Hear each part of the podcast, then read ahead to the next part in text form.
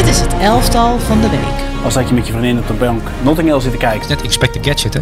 Ik heb uh, afgelopen weekend over voorassist gedroomd. Onnavolgbaar. Hij is weer ouderwets een absoluut statistieke monster. Dus dat is gewoon mooi. Dit is zo'n romcom.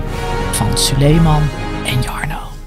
Ja, jongens, het is dinsdag en dus tijd voor deel 3 van het elftal van het jaar. De grande finale met niemand minder dan Suleiman Usterk, die lekker geïnteresseerd op zijn telefoon zit. Nee, ik zit even te kijken welke datum het vandaag is. Het is vandaag dinsdag 27 juni. Ja.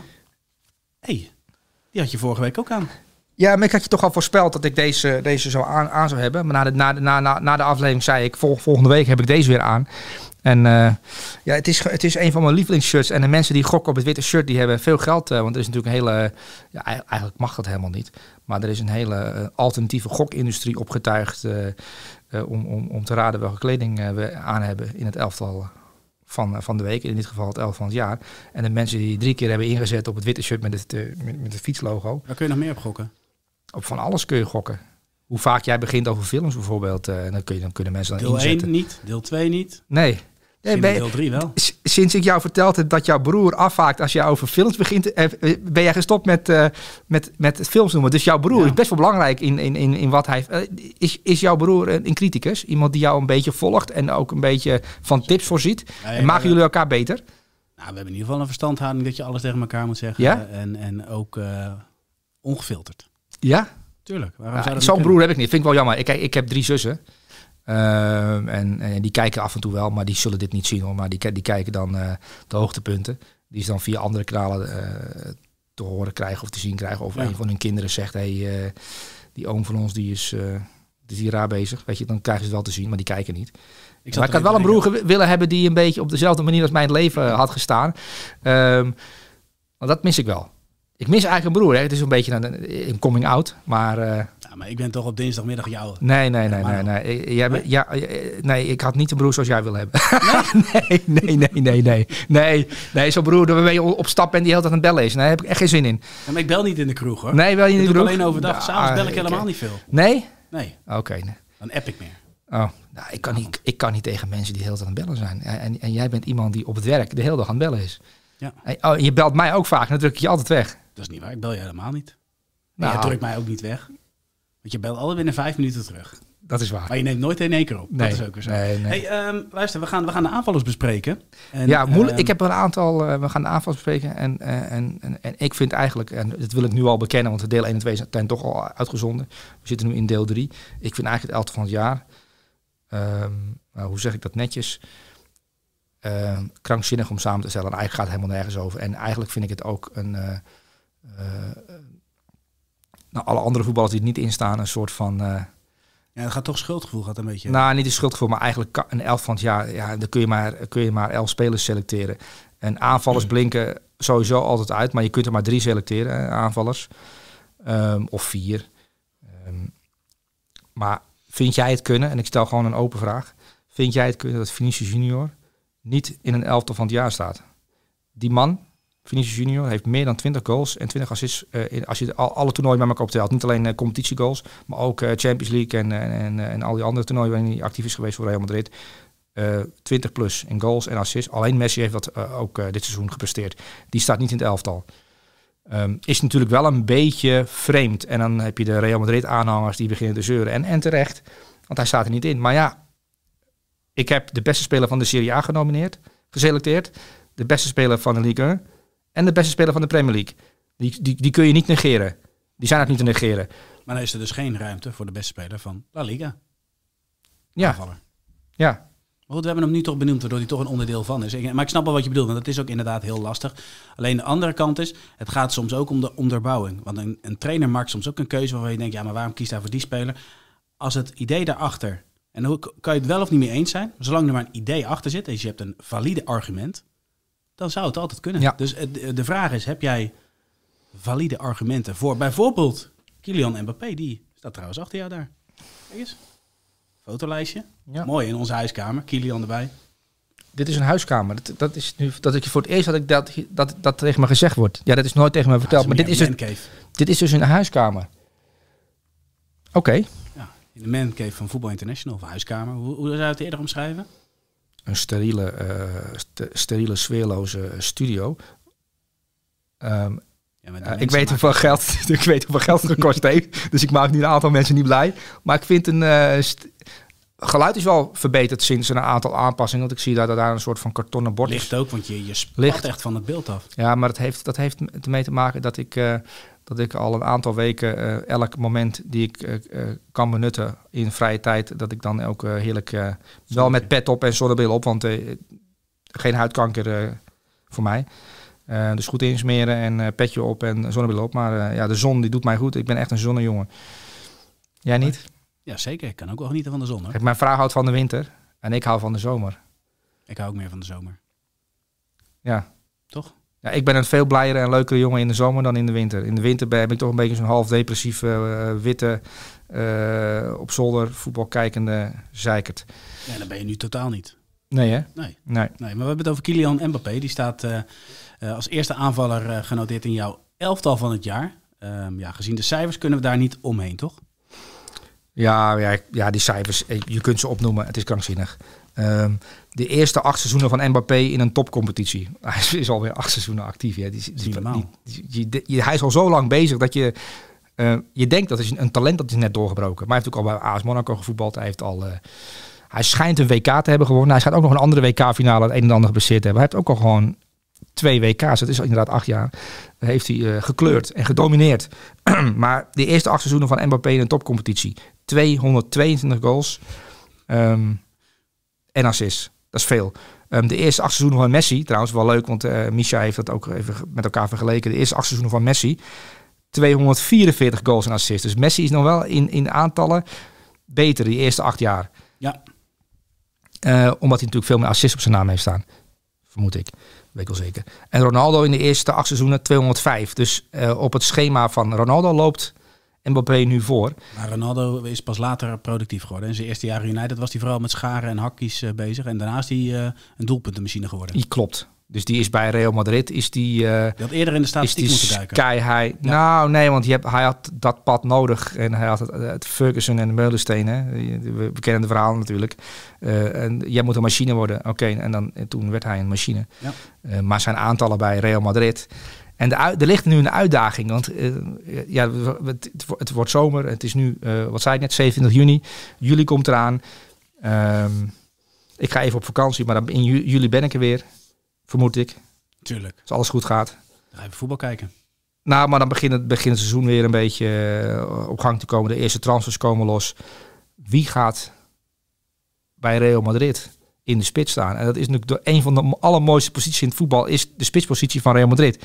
Die was natuurlijk, eh, ja, die is heel lang voorbehouden geweest aan Karim Benzema. Die heeft daar natuurlijk sinds 2009 gestaan. En na de eerste drie, vier jaar niet altijd basisspeler. Ehm, maar sinds 2009 was Karim Benzema de spits en Ronaldo degene die aan de linkerkant stond. En nu is Vinicius Junior aan de linkerkant de vaste man de komende jaren als hij blijft. En, eh, want hij heeft natuurlijk gedreigd met eventueel een vertrek vanwege racisme. Ja. Ehm, maar wie wordt de spits van Real Madrid? Wie wordt de doelpuntenmachine daar eh, in de voorhoede? Dat is wel een interessante vraag. En, en, en Harry Kane, dat is nu de, waar ze de kaart op hebben ingezet. Maar dat kan natuurlijk op 27 juni eh, alweer helemaal oud nieuws zijn. Dus laten we dat eh, eruit knippen. Ehm, dus dat wordt, wel, het wordt een zeer interessante vraag. Maar misschien is die vraag al opgelost in de toekomst. Dat zou zomaar kunnen, ja. Maar Kylian Mbappé is geen centrumspits. Terwijl we wel allebei het idee hebben, die gaat op een gegeven moment een keer naar Real Madrid. Dat kan toch niet anders? Nou, we, hebben het nu, hadden het net over die aantal de eerste acht seizoenen. En Mbappé is nu, die heeft in, in, in de Ligue 1, die is nu vier jaar op rij speler van het jaar geworden. Vier jaar op rij topscorer geworden in die competitie. Hij heeft de Ligue 1 uitgespeeld. Ehm, en hij kan nog een jaar blijven. En het kan ook zo zijn dat hele spel wat we afgelopen seizoen gezien hebben met ik wil weg, ik wil niet weg, ik wil wel weg, ik ga weg, ik ben ontevreden. Dat spel, dat gaat natuurlijk opnieuw gebeuren. Want dat, dat ja, Mbappé is zo'n speler, en dat, dat geldt ook voor, voor, voor Haaland. En er zijn er een paar kroonjuwelen, die wil iedereen hebben tegen bepaalde prijzen. Ehm, en Mbappé is zo'n kroonjuweel dat als Real Madrid die kan krijgen tegen de juiste prijs op het juiste moment, dan, dan is dat voor Real Madrid een fantastische voetballer. En andersom ligt daar een geweldige uitdaging. Want Ronaldo heeft daar eh, ongelooflijk veel goals gemaakt, meer goals dan wedstrijden. Ehm, ongelooflijk records neergezet. En ja, die uitdaging ligt daar. Om, om, om iets soortgelijks te presteren. Ik weet niet of die aantallen van Ronaldo of die menselijk zijn. Maar ja, Mbappé is wel bijzonder. Dat heeft natuurlijk wel laten zien. Ehm, als, als international en bij Paris Saint-Germain. Ehm, en wij hebben natuurlijk al een aantal jaar geleden al geconcludeerd... het tijdperk van Haaland en Mbappé is aangebroken. En daar sluiten ook allerlei andere spelers bij aan. Ehm, maar die statistieken van, uh, van Mbappé, ja. Uh, wel grappig, want er zijn ook wel aan andere, wat vind ik wel leuk, zes goals uit een counter. Dus de speler met de meeste goals uit een counter, uh, nummer één is dus Mbappé. En dat past ook wel bij zijn kwaliteit en bij zijn ja, snelheid. Zeker. En op twee Salah, dat past ook bij die kwaliteit. Dat is wel grappig dat je dat in statistieken toch alweer ja. terugziet. Um, 149 schoten. Um, niemand heeft meer schoten op doel dan Mbappé. Dat betekent ook wel dat hij ook wel gericht zoekt. voor Osimhen en Lewandowski.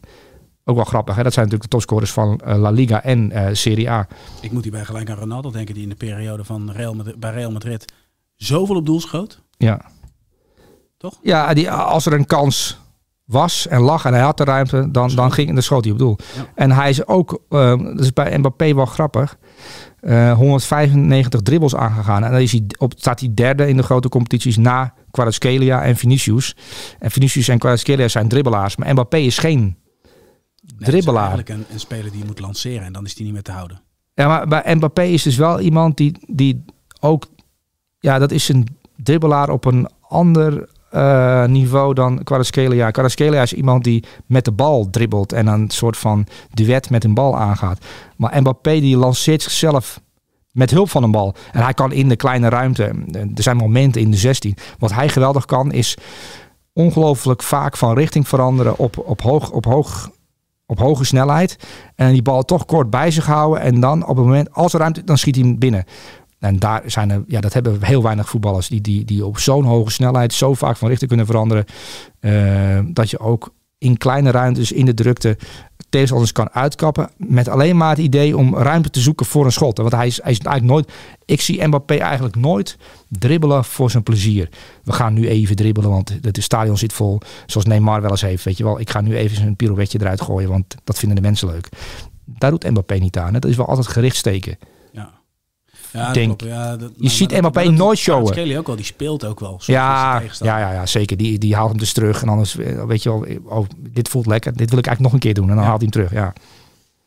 Nee, want dat is dan weer mooi. Want als je dan, als je dan uh, Vinicius bekijkt, als je ook die buitenspeler qua, qua dribbelen, die vind ik dan, uh, die heeft ook wel dat hij hij zoekt naar de ruimte en dan gaat hij ook, laat maar zeggen. Ja. Dat hij hem onnodig terughaalt of het, die is dan weer iets anders. Maar goed, Mbappé, daar hebben we het vaker over gehad. Van in principe moet hij aan de linkerkant spelen. Heeft bij PSG ook wel eens aan de rechterkant gespeeld en in, aan, aan de rechterkant gespeeld. Zie jij ook voor je dat, dat hij in de toekomst misschien wel op een andere flank gaat spelen of in het centrum gaat spelen? Nou, kijk, Ronaldo heeft ook altijd vanuit die linkerkant gevoetbald. En er is natuurlijk wel een periode geweest dat ze hem bij Real in het centrum wilden zetten. Benitez wilde dat een tijdje. En, en hij voelde zich daar niet fijn en niet vrij. En bij United ook niet. En hij, hij wilde graag vanaf die linkerkant uh, komen. En, en bij Mbappé ook. En, en Deschamps heeft er wel wat over gezegd ook. Uh, hij vindt het prettig om met iemand als Giroud als soort richtpunt in, in, in, Ja. in, in, in nummer 9 te Kan spelen. Maar iemand die ook ruimte maakt en intelligent bewegen. Hij heeft eigenlijk een soort Benzema nodig, Mbappé. Ehm, dus eigenlijk als... eh, dat is ook wel grappig, want de geschiedenis herhaalt zich nooit op dezelfde manier. Je kunt zeggen, ah, ja, voor vrij simpel, ze hebben Benzema en Ronaldo gehad. Nu haal je Mbappé en je haalt een soort Benzema-type... en je hebt weer een geweldig duo die veel goals en doelpunten maakt.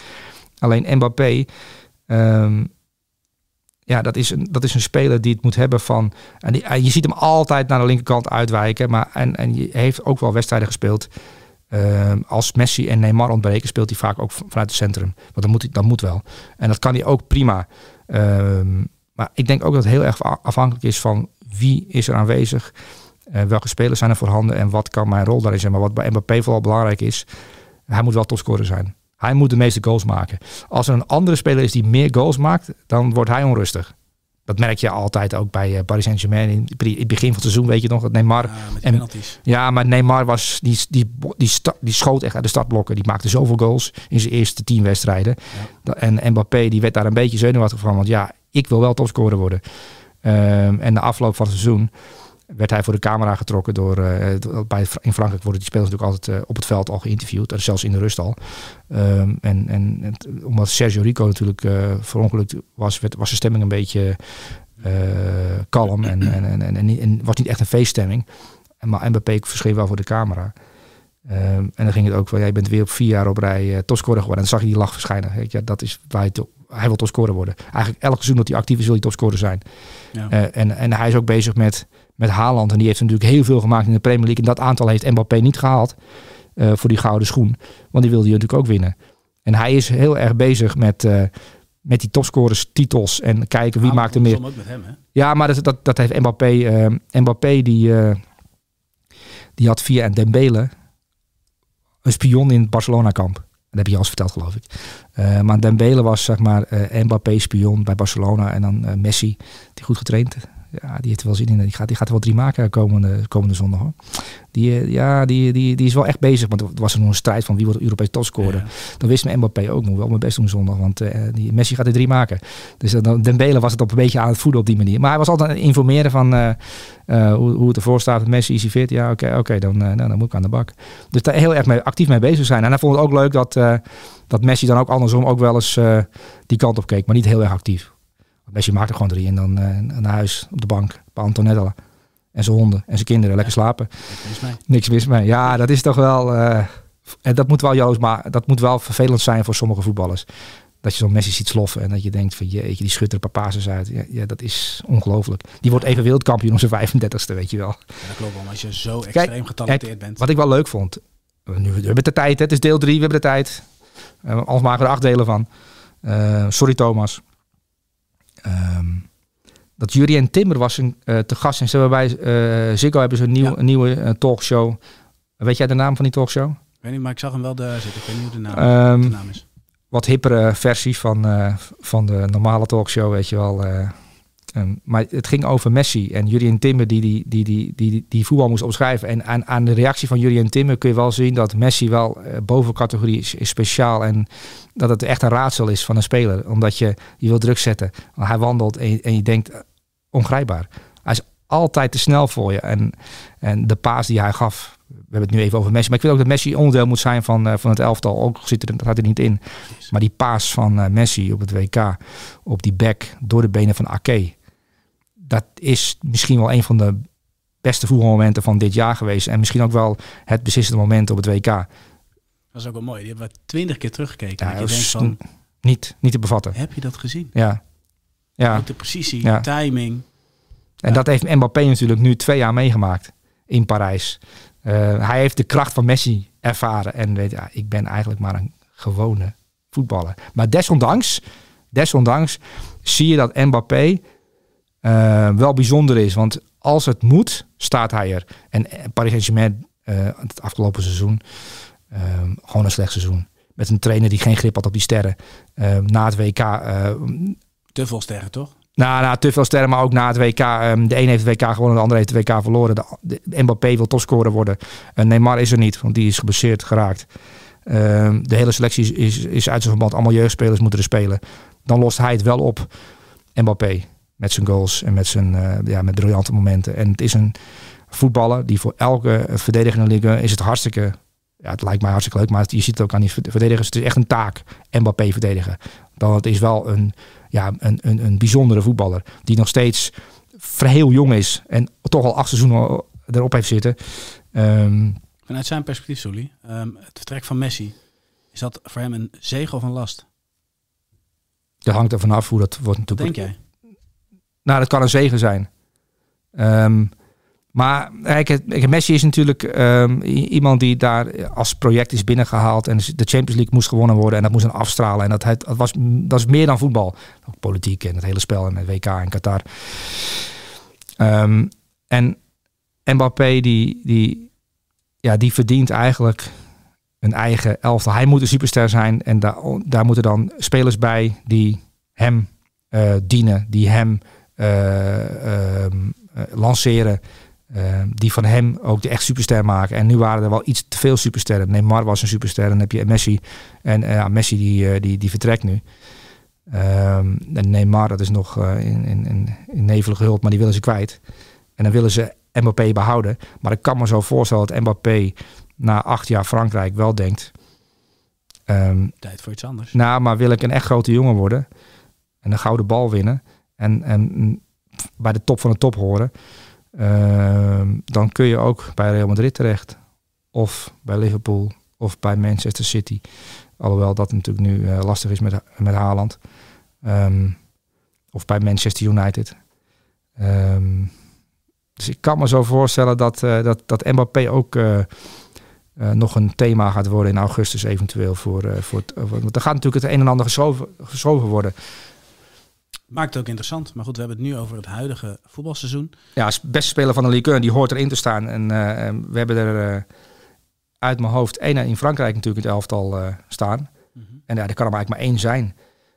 Um, en dan negeren we Messi. Ondanks dat hij WK gewoon eigenlijk kan dat niet. Maar goed. Het is, we hebben hem benoemd. Ja, we hebben hem benoemd. En, maar Mbappé is de speler van het jaar in Frankrijk. Um, en die heeft Paris Saint-Germain gedragen op momenten dat die anderen er even niet waren. Um, dus ja, ik kies ik voor Kylian Mbappé.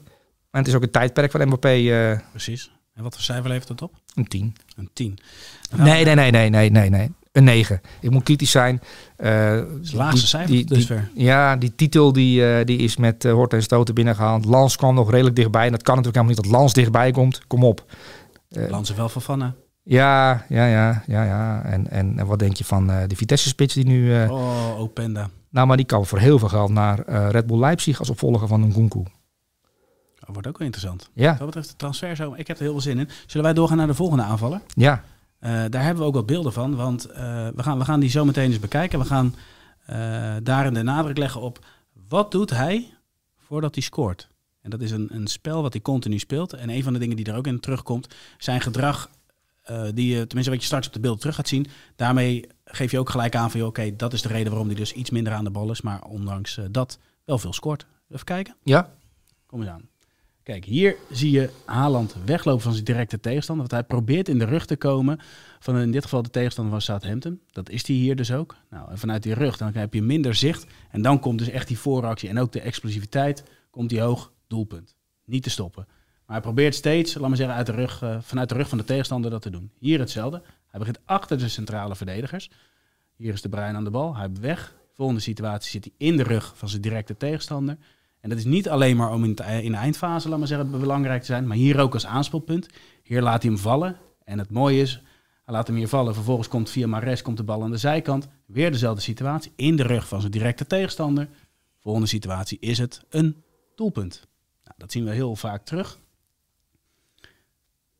Kijken, dan gaan we naar het volgende moment. Hier ook weer. Hij beweegt dus weg van de centrale verdediger. Dus hij gaat niet aan de balkant, doet hij actief mee, maar hij beweegt juist weg om andere jongens aan de bal te laten komen. En hier zie je het spel weer. Hè. Die verdediger, nogmaals bij bewegend beeld, zie je af en toe kijken, maar op het juiste moment is die weg. Ja, en in dit geval, ga maar eens kijken. Je hebt geen idee wat er in je rug aankomt, met een enorme snelheid. En dan is het weer uh, een doelpunt. Dus het is steeds eigenlijk de speler, tenminste de tegenstander, in verwarring brengen, uit het zicht blijven en dan keihard toeslaan. Ja. Ja, kijk, je, je balletjes wachten en, en, en, en balletjes wachten. En, en, en, en, en, hij is natuurlijk actief bezig met het spel. Dus hij denkt voortdurend mee met wat er gebeurt. En alleen hij doet niet mee. Uh, letterlijk, hij komt niet aan de bal, maar hij doet wel mee door, door wat jij nu allemaal uh, uitlicht. Um, en dat is wel leuk als je actief op hem let. Dat als je de bal naar links ziet gaan, zie je hem altijd in een soort ron, ro, rondje achterom lopen. Dus hij neemt eigenlijk altijd, uh, hij gaat altijd de steeg in achterom, via de achteringang komt hij binnen. En maar dat is voor een verdediger lastig. Wat, wat ga je doen? Want je, je kan niet alleen op de bal letten. Dat kan nog. Nee, je dat moet, kan je moet niet. oriënteren. Dus da, da, daar zou je op moeten trainen. En ik, ik heb nog nooit een verdediger gehoord die daarop traint. Nou ja, je hebt natuurlijk ja, hier, moet, hier moet je oefeningen voor bedenken. man georiënteerd en, en ja, nee, maar Co-Adriaanse. Co-Adriaanse begon jaren geleden natuurlijk al over dat de ballwatchers en de, en, en, de, en de mensen die gewoon hun, hun spelers in de gaten houden. Ehm, maar dit is natuurlijk wel, ehm, ja, Dit moet continu afgewisseld worden. Ja, maar in dit de is- gaten, speler in ja. de gaten. Je moet continu Ja. blijven kijken. Maar er zijn wel verdedigers die hier wel goed in zijn, die dit wel eh, goed kunnen managen. Want hij, hij probeert met hem aan te nemen, maar die bal gaat toch daar zo komen. En dan, dan, dan kun je rekening mee houden. Maar dat is een instelling, dat is een... ehm, Rudiger deed dat goed. ja, dan, je moet daar echt ehm, eh, klaar voor zijn. Dan moet je, dan moet je, dan kun je, ik denk ook dat je daarop kunt trainen. Ehm, om op die manier een, een, spits te bespelen. Want hij bespeelt jou, maar jij kunt hem ook bespelen. En dat is wat we met Rudiker zagen. En daarom verbaast me ook wel dat Rudiker niet in die tweede wedstrijd op, op hem stond. Maar dat hij toch terugging naar, oh, Militao speelt altijd, maar die, die zet ik nog wel weer neer. En die was daar minder goed in. Uh, maar goed, dat is een hele andere, hele andere discussie. Maar um, kijk, Erling Haaland, die heeft nou, dat, ja, die heeft tot zijn 16 natuurlijk bij uh, Brine, in, in Brine rondgewandeld. En, en hij scoorde altijd al makkelijk. Hij is iemand die gewoon van nature makkelijk scoort. Dat, is, dat scoren dat heeft hij altijd al, al gedaan. Um, en toen kwam hij bij, um, uit mijn hoofd, uh, Bran. Nee, het speelde tegen Bram Bergen, scoorde hij een keer vier keer. Um, bij het Molde. en toen was Solskjaer daar de trainer. En Solskjaer was natuurlijk ook wel heel... Die wilde naar United houden. Die wilde naar United houden, maar die was toen trainer. En die is toen ook met hem aan de, aan de slag gegaan. En we hebben natuurlijk in deel 2 gehad over Bellingham en informatie en, en snel dingen zien. En Haaland is ook zo'n type die... Uh, ja, je ziet, je ziet een grote gozer en je ziet uh, dat lange haar en je denkt, uh, vrolijke jongen, imposante jongen. maar ondertussen, um, als je hem iets vertelt, onthoudt hij het ook. Dat is wel handig. Absoluut. Van een grote handige jongen dat je dan op een gegeven moment ook informatie. Maar die, die, die lessen van Solskjaer, daar is hij mee aan de slag gegaan. En zo is hij van club naar club gegaan. En bij, bijvoorbeeld toen hij bij uh, Red Bull Salzburg binnenkwam, de eerste paar maanden, heeft hij amper gevoetbald, want hij kon geen bal aannemen. Sterker nog, ze wisten niet wat ze met hem aan moesten. Nee, ja, nou dat is overdreven, want je zag natuurlijk wel een, een jongen die, die was wel de aanleg van wat, wat Ja, maar dat heeft te maken met mensen die misschien niet door dingen kwaliteiten heen kunnen kijken. Um, maar iemand die binnen drie maanden uh, zich zo snel aanpast dat hij in zijn eerste Champions League wedstrijd er drie binnen tikt, dan kun je niet zeggen heeft geen aanleg. En ik heb wel, ik, ik ken de quotes hoor van jongens die tegen uh, Haaland hebben gevoetbald en die zeiden van ja, kon er helemaal niets van. Want ja, we zijn allemaal onder de indruk van de Lamine Jabals, hè, de jongens van Barcelona mm -hmm. van 15. Ja, als je die een bal geeft, dan is het één groot circus. Maar bij die jongen, die, dat is echt een uniek talent. Maar heeft hij de uh, mentaliteit van Bellingham en, en Erling Haaland. Doordat hij al die momenten die om hem heen uh, ontstaan, dat hij die ook opslaat, opvangt en, en, en, en, verwerkt.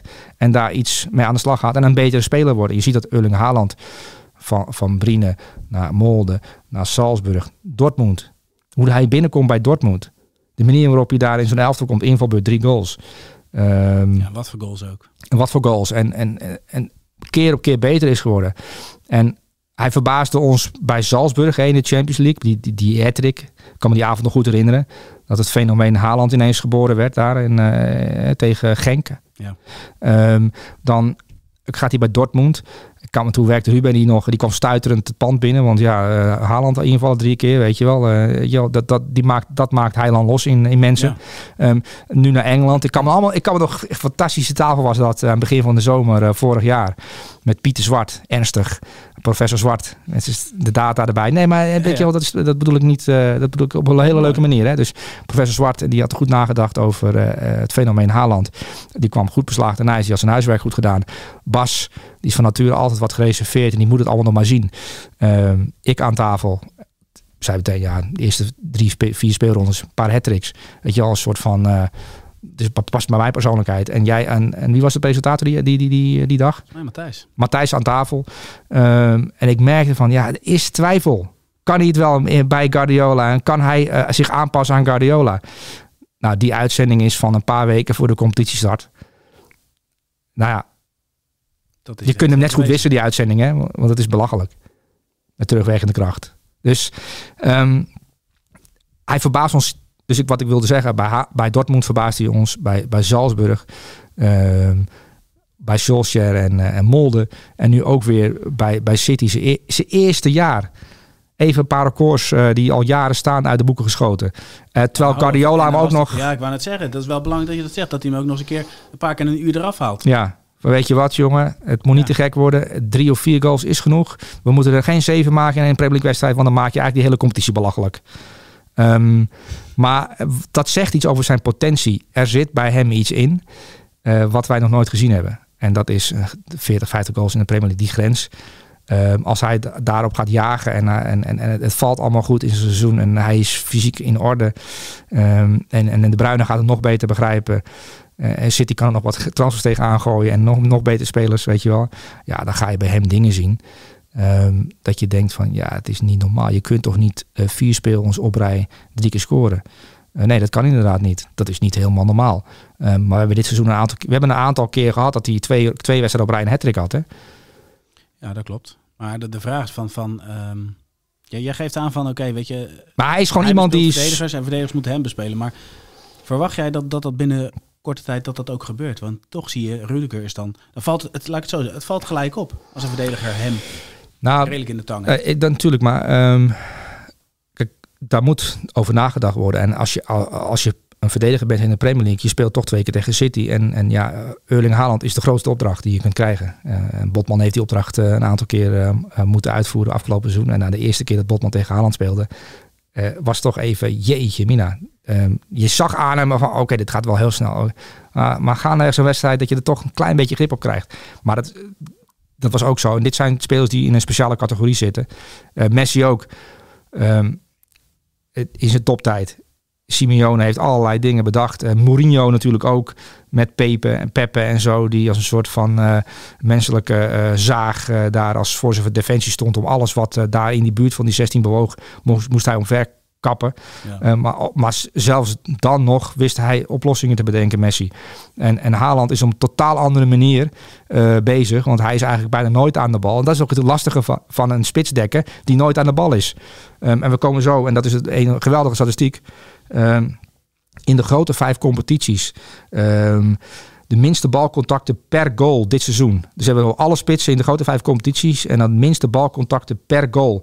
En staat op één Erling Haaland. Die heeft maar 23 balcontacten nodig per doelpunt. Ehm, en op twee, dat is ook wel grappig, Callum Wilson van Newcastle. En op drie, Victor Osimhen. Victor Osimhen is ook helemaal geen meevoetballende spits. Hij is ook een jongen die bezig is met het laatste balcontact of de laatste sprint of uh, diep gaan en dan proberen een goal te maken. Uh, maar Erling Haaland, die, die veruit, ja, in, in dat statistiekje veruit uh, de beste is. Maar dat is eigenlijk iemand die in het spel oplost om op het laatste moment op te duiken op een plek waar een van zijn medespelers hem wel verwacht. Kevin de Bruyne. Maar alle anderen um, net niet. Ja, oh, oh jammer. Hij, uh, hij, uh, we zijn te laat. Hij heeft ons uh, beetgenomen door het even in te houden. Door eigenlijk naar rechts te bewegen. Die voorbeweging te maken waarvan Bast het een paar weken geleden ook in ronde over had. Of die voorbewegingen van Benzema bijvoorbeeld. Die er ook beter in is geworden. en, en dat ook geweldig kan. Ja, Erling Haaland heeft wat ook. Die diepteloopacties van hem zijn bruut. Maar ook, er zit ook intelligentie in. Ja, maar bruut is wel het juiste woord. Want je kunt inderdaad slim bewegen. Lewandowski doet dat, dat doet eh, Benzema. Maar de snelheid waarmee hij loskomt, ja. dat is met niemand te vergelijken. Nee, Nee, nee, nee. Dat is, eh, hij doet het echt met, uh, met volle overtuiging. En uh, zoals uh, een, bal, een balveroveraar een bal verovert, zo, ja, zo, hij jaagt echt op een goal. Ehm, en ja, daar is eigenlijk, als je dat niet als verdediger op voorbereid bent, op die actie, dan ben je altijd te laat. Want hij is altijd eerder bij de bal. Um, en, en ja, daar moet je toch over nadenken. Ja, het lijkt me echt geweldig om, uh, om Erling Haaland... Uh, eigenlijk, maar dat heb je helaas niet in, uh, in, in, in, in voetbal. Dat je vijf keer, zoals in de NBA-playoffs... vijf keer tegen, zes, zeven keer tegen elkaar speelt. Achter elkaar om de drie dagen. Dat je ook een ontwikkeling ziet in... Hey, dat je in wedstrijd nummer drie ziet... Hey, maar die, die, die, die Lisandro Martinez... Die krijgt, hem, die, heeft, die krijgt ritme voor Erling Haaland. Dat je die gevechten echt ziet. Wat je met de Super League bijvoorbeeld wel zou kunnen creëren. Dat je ja, een Super League creëert met, met de playoff systeem. Dat je dan gewoon vijf keer achter elkaar Real City krijgt om de vier dagen. Dan denk jij van dat wil ik niet zien. Dat is, niet, dat is geen voetbal. Maar die topduels tussen de allerbeste voetballers ter wereld. Dat, ja, ik zou heel graag uh, het monster Kim uh, vijf keer op rij tegen Haaland willen zien. Als een soort van uh, gevecht. Dat krijgen we nooit te zien. Wordt dan een eindstand? Nou, normaal gesproken zou je zeggen dat, dat Erling Haaland dat altijd beslist op punten. Maar ja, het gaat ook om het beste team en hoe, om, en hoe de rest uh, is ingevuld. Maar, maar City-Napoli hebben wij niet gezien. Nee. En dat is dan wel zonde. Dat zou je wel graag willen zien. Maar omdat het natuurlijk zo georganiseerd is, de Champions League en in de competitievoetbal, dat je eigenlijk de beste teams tegen elkaar, die zie je bijna nooit spelen. Brighton City wil ik eigenlijk vijf keer op rij zien. Want je weet. Ze hadden het er ook Real tegen City, was de halve finale. Ja, maar dat is, dat is één. Die, dat, die eerste drie kwartier van City tegen Real, die, die 45 minuten, dat is het beste voetbal dat dit seizoen gespeeld is. Ja, helemaal eens. Dat is de enige drie kwartier dat je denkt dat je echt. Dat je, ja, nou, als je veel voetbal kijkt, dan, dan, dan, dan, dan, kijk je gewoon voetbal en dan ga je daarna eh, over tot de orde van de dag. Maar van die drie kwartier moest je echt even, wow, dit is lekker zeg. En dat je denkt van, eh, oké, ik ga, ik ga wat kouds. Even, nou, dan ga je even zitten en dan blijf je even een minuutje, minuutje bezinken. En denk oh wow, dit is wel echt, dit is wel echt bijzonder. eh, wat je nu gezien hebt, die eerste drie kwartier. Maar dat wil je eigenlijk vaker zien. Dat vind ik op, op dit moment, ehm, in de Champions League mis ik dat wel. En dus soms heb je wel niet topwedstrijden, maar in de poolfase gaat het eigenlijk nergens over. Want ja, daar rollen de topteams door die poolfase heen. En zijn ze na vier, vijf wedstrijden vaak wel zeker van eh, kwalificatie. En dan de echt grote wedstrijden, die, die zie je dan heel af en toe. Maar dan is één elftal niet op, op, op niveau, bijvoorbeeld. Eh, maar echt topconfrontaties. Van, eh, het, het beste Napoli tegen het beste City hebben wij gewoon niet gezien. Is, ont, is ons onthouden vanwege de, het format. En dat is, ik vind dat wel een gebrek en gemis aan, aan, aan, aan, aan topvoetbal. En ik- daarom begrijp ik wel dat eh, mensen als Laporta zeggen van ja, maar dat, dat wil dat de jeugd. Die wil Haaland tegen het Monster Kim zien. Ik zeg maar wat, hè. Maar die, gewoon topconfrontaties. Arsenal eh, City was toch dit seizoen in de Premier League. Dat waren de twee topconfrontaties toch tegen elkaar. En dat je dacht van jeetje mina, wat een hoog niveau. En eh, ze probeerden- ze- dat zag je ook in de wedstrijd dat, een, dat Arteta iets bedacht had om Guardiola in de maling te nemen. En dan tijdens een wedstrijd lost zich dat in het veld op. Dat je echt op hoog niveau dat trainers elkaar proberen te misleiden. Dat zie je bijna nooit. En nu is met Breiten een trainer bij, of met de Serbië een trainer bijgekomen die de toptrainers uitdaagt, omdat die ja, van achteruit die opbouw, weet je wel, hoe ga je dat nou bespelen? Dat is leuk, maar het is Breiten. Ehm, en je wil gewoon die topteams tegen elkaar zien. Ehm, en Haaland heeft uitdaging nodig. Leuk tegen Southampton een 4 maken of 7 maken. Maar eh, hij moet tegen de beste verdedigers ter wereld elke week staan. En dat bestaat nu in het voetbal niet. Hè? Nee, maar misschien in de toekomst wel met de Super League. Ehm, Nou, ik, dit is geen, dit is geen, dit is geen eh, reclame voor de Super League. Want ik, ik wil daar niet verkeerd overkomen. Maar het is toch zonde dat wij de beste ploeg niet, niet vaak tegen elkaar zien spelen. Nee, ik, begrijp, ik denk dat de mensen ook wel begrijpen wat je bedoelt. Alleen is het hele stuk, de, de Super League, tuurlijk. eh aan zich de Super League zelf, dus die wedstrijden onderling, daar kijkt iedereen naar uit. Alleen je maakt ook de nationale competities daarmee eh, kapot. Dat is, de, dat is het, het grote nadeel daarvan. Maar goed, wij hebben het nu over eh Haaland specifiek eh, in dit seizoen, zijn debuutseizoen voor Manchester City. Wat voor cijfer levert dat op wat jou betreft? Nou, hij maakte dit seizoen, om, om even de data compleet te maken, 52 doelpunten in alle competities. En dat, dat klinkt, omdat we er zo gewend aan zijn geraakt, als niet heel veel. Maar 52 doelpunten in, in alle competities is heel veel. In de laatste zeven seizoenen lukt het alleen Lewandowski en Messi om minimaal evenveel te scoren als Haaland dit seizoen. En Lewandowski in zijn, eh, in zijn toptijd bij Bayern München 55 goals en Messi in 2016 54 goals. Dus 52 doelpunten maken in je eerste nooit jaar. een uur gewisseld. Nee, die werd er nooit na een uur gewisseld. Dus hij had er misschien wel 60 kunnen maken. Als hij eh, was blijven staan in alle wedstrijden. Maar dan had hij misschien ook geblesseerd geraakt. Dus het gaat ook om management van... dat, eh, eh, Guardiola hem vooral hongerig houdt. zou het zo werken, denk je? Dat denk ik, ja.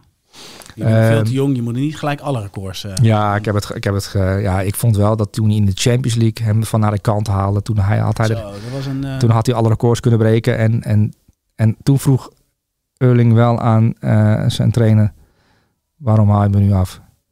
En toen zag je wel een soort van onvrede. Alleen Pep Guardiola heeft dat dan daarna goed gemanaged, denk ik. Want hij is er niet op teruggekomen. Hij heeft er niks over gezegd. Ehm, maar ja, ik weet niet of Slatan zichzelf had laten wisselen door Pep Guardiola als hij eh, op, op het punt stond om alle records te breken. Hij kon natuurlijk het record van Messi breken in de Champions League. Vijf goals.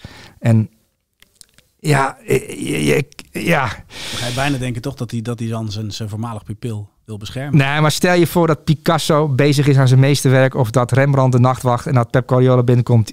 En die ziet, oh die nachtwacht, oeh, dat is een gaaf schilderij. Dat moeten we de mensen onthouden, want dit mogen ze niet zien. Want eh, dat, dat, die, dat die hem gewoon in midden, die nachtwacht. eh, aan- dat, was, daar, was, daar was Erling Haaland mee bezig in die wedstrijd. Met het meesterwerk. En, en, en dat wordt moedwillig kapot gemaakt. Daar heb ik toen al een column over geschreven, omdat het zo voelde. Dan denk je, jeetje, hij maakt dit gewoon kapot. Je wilt toch gewoon iemand acht keer zien scoren in de Champions League. Het Louvre is gewoon een prachtig kunststuk ontnomen. Ja, nou zo, zou- in- zo zou je het eh, metaforisch kunnen zeggen, ja. Mooi zeg. Zullen we dan een 10 geven aan Haaland? Ja. Ja? Ja. En dan gaan we naar de laatste aanvaller. Oeh. Ja, en dat is toch wel... Heb je daar beelden van? Nee, geen beelden van. Eén analyse per, per onderdeel. Oh ja. Eh, maar goed, eh, misschien als je straks in de Premier League speelt, dan gaan we daar een keer een aparte analyse voor opnemen. We hebben het natuurlijk over Kvaratskhelia, Quaradonna, hoe hebben we nog meer genoemd? Tenminste, hoe heb jij hem genoemd nog verder? Want dat was toch wel de eerste weken ging het alleen maar over. Ja, ik denk dat ik hem de eerste drie speelrondes twee keer genomineerd had in het elftal van de week. Ehm, toen, ja, toen viel hij ook op. Om toen scoorde hij direct twee keer, gaf hij twee assists. Uit bij Hellas Verona uit mijn hoofd. Kan ernaast zitten, maar ik denk dat het goed zit. Ja, maar alle wedstrijden, of nou Champions League was, Serie A, Napoli Feyenoord. tegen Liverpool. Ja, die thuiswedstrijd. Dat hij Oh. eventjes liet zien dat hij kan voetballen tegen in de Champions League. Ehm, en dat hij ook eh, die rechtsback van Ajax, die Mexicaan, ja, die heeft daar gewoon een heel jaar last van gehad. Hè? Ja, dat denk ik ook wel. Ja. Eh, dat geldt trouwens voor Trent. Trent heeft half jaar in, in, in, in een wak gezeten. De depressieve gevoelens ontwikkeld. Omdat eh Kvaratskhelia eventjes liet zien dat, dat hij geen rechtsback is. Trent. Hij heeft wat schade aangericht, hè, die Kvaratskhelia. Ja, ja. ja, hij heeft, wel, ja ook heel, hij heeft heel wat schade aangericht bij, eh, bij backs die niet voorbereid waren op iemand waarvan ze de naam nog nooit gehoord hadden. De meeste spelers. Je staat vandaag tegenover Kwitswa Kvaratskhelia. Wie? Eh, oh, dat komt wel goed trainer. En dat je dan, op een gegeven, dat je dan een, eh, ja, zo'n wereldvoetballer... Net als Van de Meiden toen de tijd eh, tegen Duitsland. Laam, nooit van gehoord.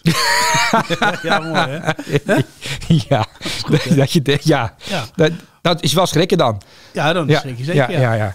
Ehm, maar wel een, een van de mooie verhalen natuurlijk dit seizoen. Van een van de ontdekkingen van, eh, van iemand die in een grote competitie eh, eh, landt. In dit geval bij Dynamo Batumi vandaan. Hij heeft natuurlijk wel ervaring in Rusland en eh, Mhm. wel iets hoger niveau gevoetbald. Maar het is natuurlijk wel gek dat je bij Dynamo Batumi vandaan komt. Um, wie was gegoogeld op Batumi? Nee, Ehm, nou, moet je maar eens goed doen. Dan weet je ongeveer waar hij vandaan komt. Batumi. En klinkt niet als Paketa Island. Nou, Batumi is wel leuker, denk ik, dan uh, Eiland. Hè? Want ik heb wat extra informatie over Paketen Eiland uh, gekregen. Daar wil je toch niet voor toe voor op je uh, als vakantieadres. Nee? Ja, het is wel in de buurt van Rio de Janeiro. En je kan er met een pontje heen. Maar het is eigenlijk gewoon, gewoon één grote vuilnisbelt. Oké, het moet gewoon een illusie blijven dus. Ja. Um, maar het is natuurlijk wel bijzonder dat, uh, dat zo'n jongen dan binnenkomt. En dat ook de selectie van Napoli hem niet kent.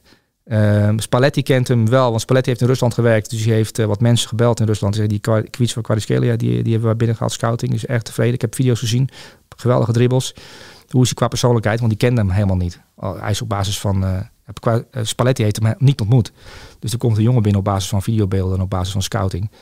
Uh, voor 10 miljoen euro. En dat moet dan de opvolger zijn van Dries Mertens en uh, Insigne. Ik denk, we gaan een lastig seizoen tegemoet. Want ja, we, we, weten helemaal niet wat we van die jongen Succes. kunnen verwachten.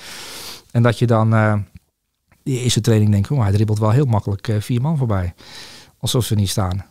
En dat je dan toch uh, Spalletti in het boekje van uh, Kvaratskhelia, die dribbelt heel makkelijk een paar man voorbij. Even informeren of die verdedigers wel hun best deden. Ja, we krijgen geen grip op hem trainen. Het is ingewikkeld. Oh, Oké, okay, interessant. En dat je dan eerst oefenwedstrijd, dat je hem dan na een half, na, denk je, na een half uur denkt, zo, dit is, uh, dit is bijzonder.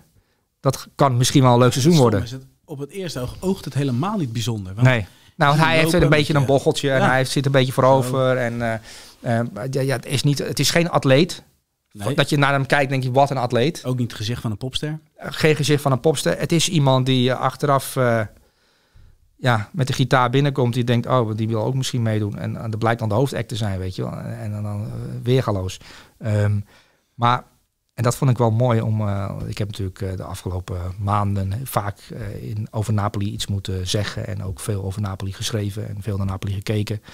En ik vond een interview met Di Lorenzo, de aanvoerder. En die natuurlijk um, ja, door Spalletti tot aanvoerder benoemd is, omdat hij opmerkzaam is. Die kijkt om zich heen en die, die, die, liep, die op een gegeven moment na een paar trainingen liep hij naar Spalletti toe.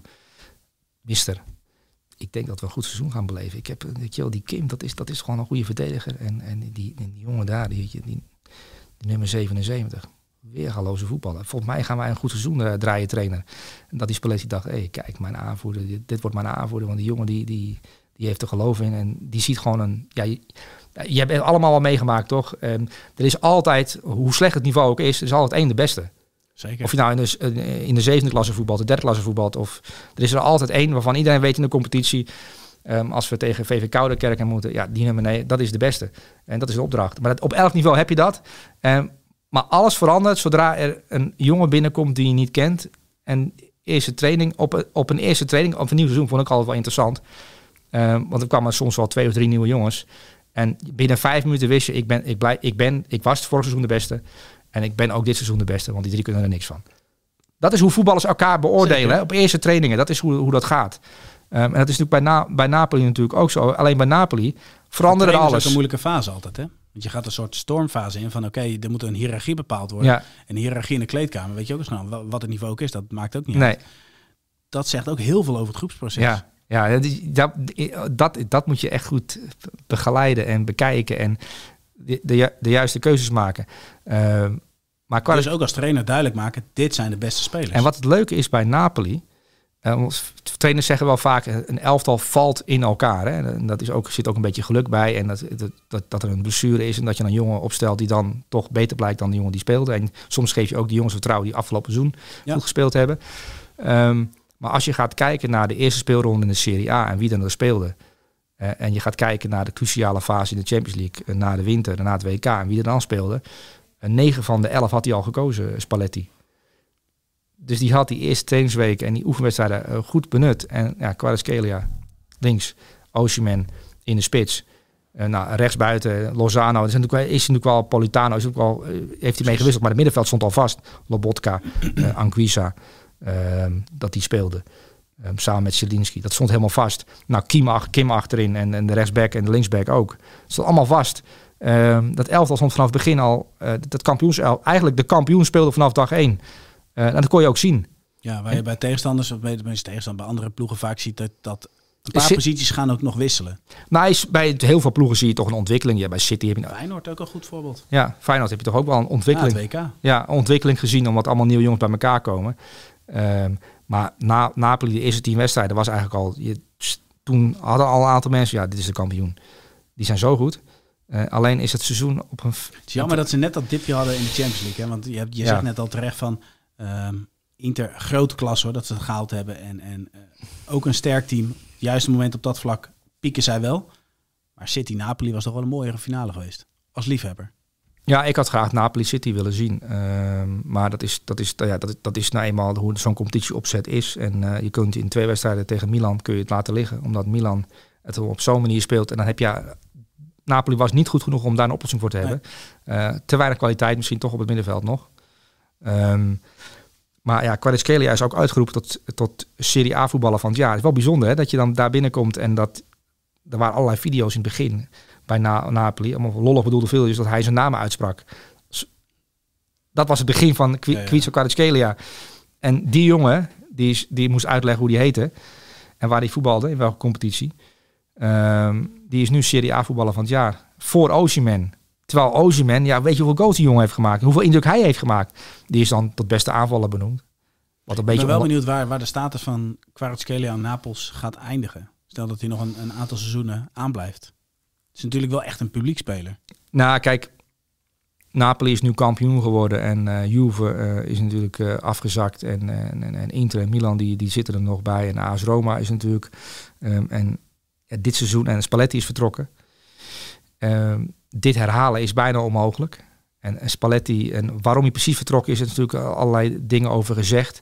Ehm, maar die had niet meer de kracht om dit nog een keer voor elkaar te krijgen. Maar Kvaratskhelia lijkt me ook zo'n speler die ja, die maakt het niet heel veel uit eh, wie de trainer is. Geef hem maar de bal en dan begint het. Precies. Ehm, en ja, dat is wel een. Ja, ik vind die echt bij Napoli passen. Ehm, dat is zo'n zo- een mysterieuze, beetje tragische, ook een heroïsche voetballer. Ja, ik, eh, ja, ik kan er enorm van genieten. Ehm, en die wil ik eigenlijk niet bij City in een machine gestopt zien worden, zoals Jack Grealish. Ik vond Jack Grealish een veel betere voetballer toen hij bij Aston Villa eh, gewoon lekker aan het dribbelen was. een beetje de, de Ja, ja, zeker, maar we- ik snap wel wat je bedoelt. Nou, maar- de hele vrije is er vanaf. Dat kan ook niet, want bij City zijn er verantwoordelijkheden. En bij City moet je gewoon elke wedstrijd winnen. En, en, en moet jij eh, het monster voorin voeden, het Noorwegen. En dan moet je het veld breed houden, dat- dat- zodat de kun ook aan die, in die ruimtes kan komen. Het is allemaal heel logisch. En dat doet Jack Grealish nu voorbeeldig en daarom speelt hij ook. Ehm, maar Jack Grealish zou bij Napoli op de plek van Kvaratskhelia hetzelfde als Kvaratskhelia zijn. Echt. Ja, dat denk ik ook. Dus het is maar net, hè, wat ik altijd zeg, context, elftal, team, competitie.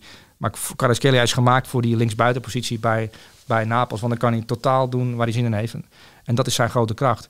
Improvisatie ehm, aan de bal. Want zonder bal is het niet heel veel, hè, Kvaratskhelia. Dan is het wel echt hard werken. Hij, doet, Ja. hij werkt hard. En hij heeft wel geleerd. En hij heeft wel geleerd ook hoe je dan eh, slimmer moet lopen en zo. Dat heeft hij allemaal eh, opgedaan in de Serie A. Maar je ziet wel, op momenten als je hem gaat bekijken. ehm, het wordt soms ook wel lachwekkend als hij dan een bal probeert te veroveren over zijn eigen. Want hij is niet zo heel sterk. Dus hij verliest heel veel duels zonder bal. Ehm, hij is geen Mané aan die linkerkant. Nee.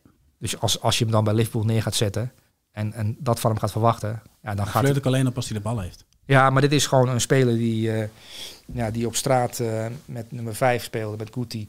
En, en, en dat straalt hij ook uit. Ik ben voetballer. Guti, dat was ook een mooie speler. Ja, maar dat is zijn grote jeugdheld hè, eh, geweest, Guti. Dat is wel mooi dat, hij, dat je opgroeit in, in Batumi, in Georgië. Dat je dat witte shirt van Real Madrid, dat magische shirt, dat je dan in, dat naar Real Madrid kijkt, naar die ruimtereizigers. En Guti is een van die ruimtereizigers, dat is jouw favoriete speler.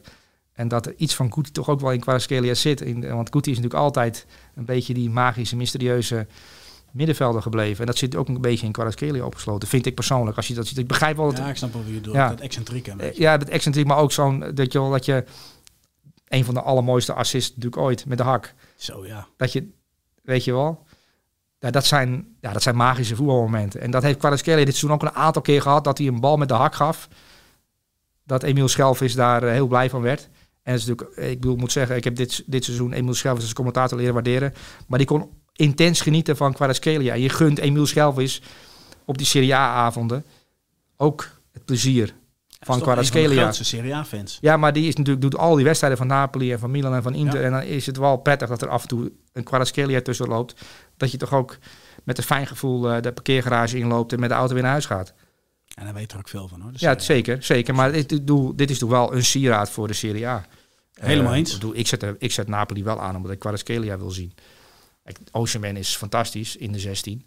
Maar Kvaratskhelia is wel, eh, ja, dat is wel een voetballer waar je, waar je dan... eh, ja, Napels is een fantastische stad. Ehm, en, en ja, dat Diego Maradona stadion is natuurlijk ook een eh, belevenis. Maar dan krijg je ook nog zo'n Kvaratskhelia er gratis bij. Heerlijk. Genieten. Wat voor cijfer levert... Ja, een 10. Toch een 10 voor je debuutseizoen in, de, in een grote competitie. Bij Napoli. Op deze manier. Als speler van het jaar eindigen. Ehm 14 goals en 14 assists. Fenomenaal. Ja. Goed, dan zijn wij aan het einde van de laatste. Deel 3 is nu ten einde. Jij gaat nu vakantie vieren. En dan gaan we ja, vol frisse moed gaan we weer het nieuwe seizoen in, toch? Ja. Ja, ik zit even na te denken. Het nieuwe seizoen. eh, ja, er komt natuurlijk weer een nieuw seizoen aan. En, eh, en dan zullen we nieuwe Kvaratskelia's eh opstaan. En, en wellicht ook een nieuwe go-getter. En misschien anders. Dat is altijd het leuke van voetbal. Dat er altijd wel iets verandert. Omdat er, zoals ik al zei, de hiërarchie wordt bepaald op die, in die eerste trainingsweek. En dan denk je, oké, ik dacht dat ik goed kon voetballen. Maar nu hebben we, nu hebben we Kvaratskhelia, trainer. Zeker, en daarom kijk ik uit naar het nieuwe seizoen. Ja, Soelie, dankjewel. Jongens, jullie bedankt voor het kijken. Dit was het elftal van het jaar. En zoals gezegd, Soelie gaat nu genieten van een welverdiende vakantie. En dan gaan we na zijn vakantie weer verder met ja, het nieuwe seizoen. En dan komen we natuurlijk ook weer terug met het elftal van de week. Voor nu bedankt voor het kijken en voor het luisteren. En tot de volgende. Doei!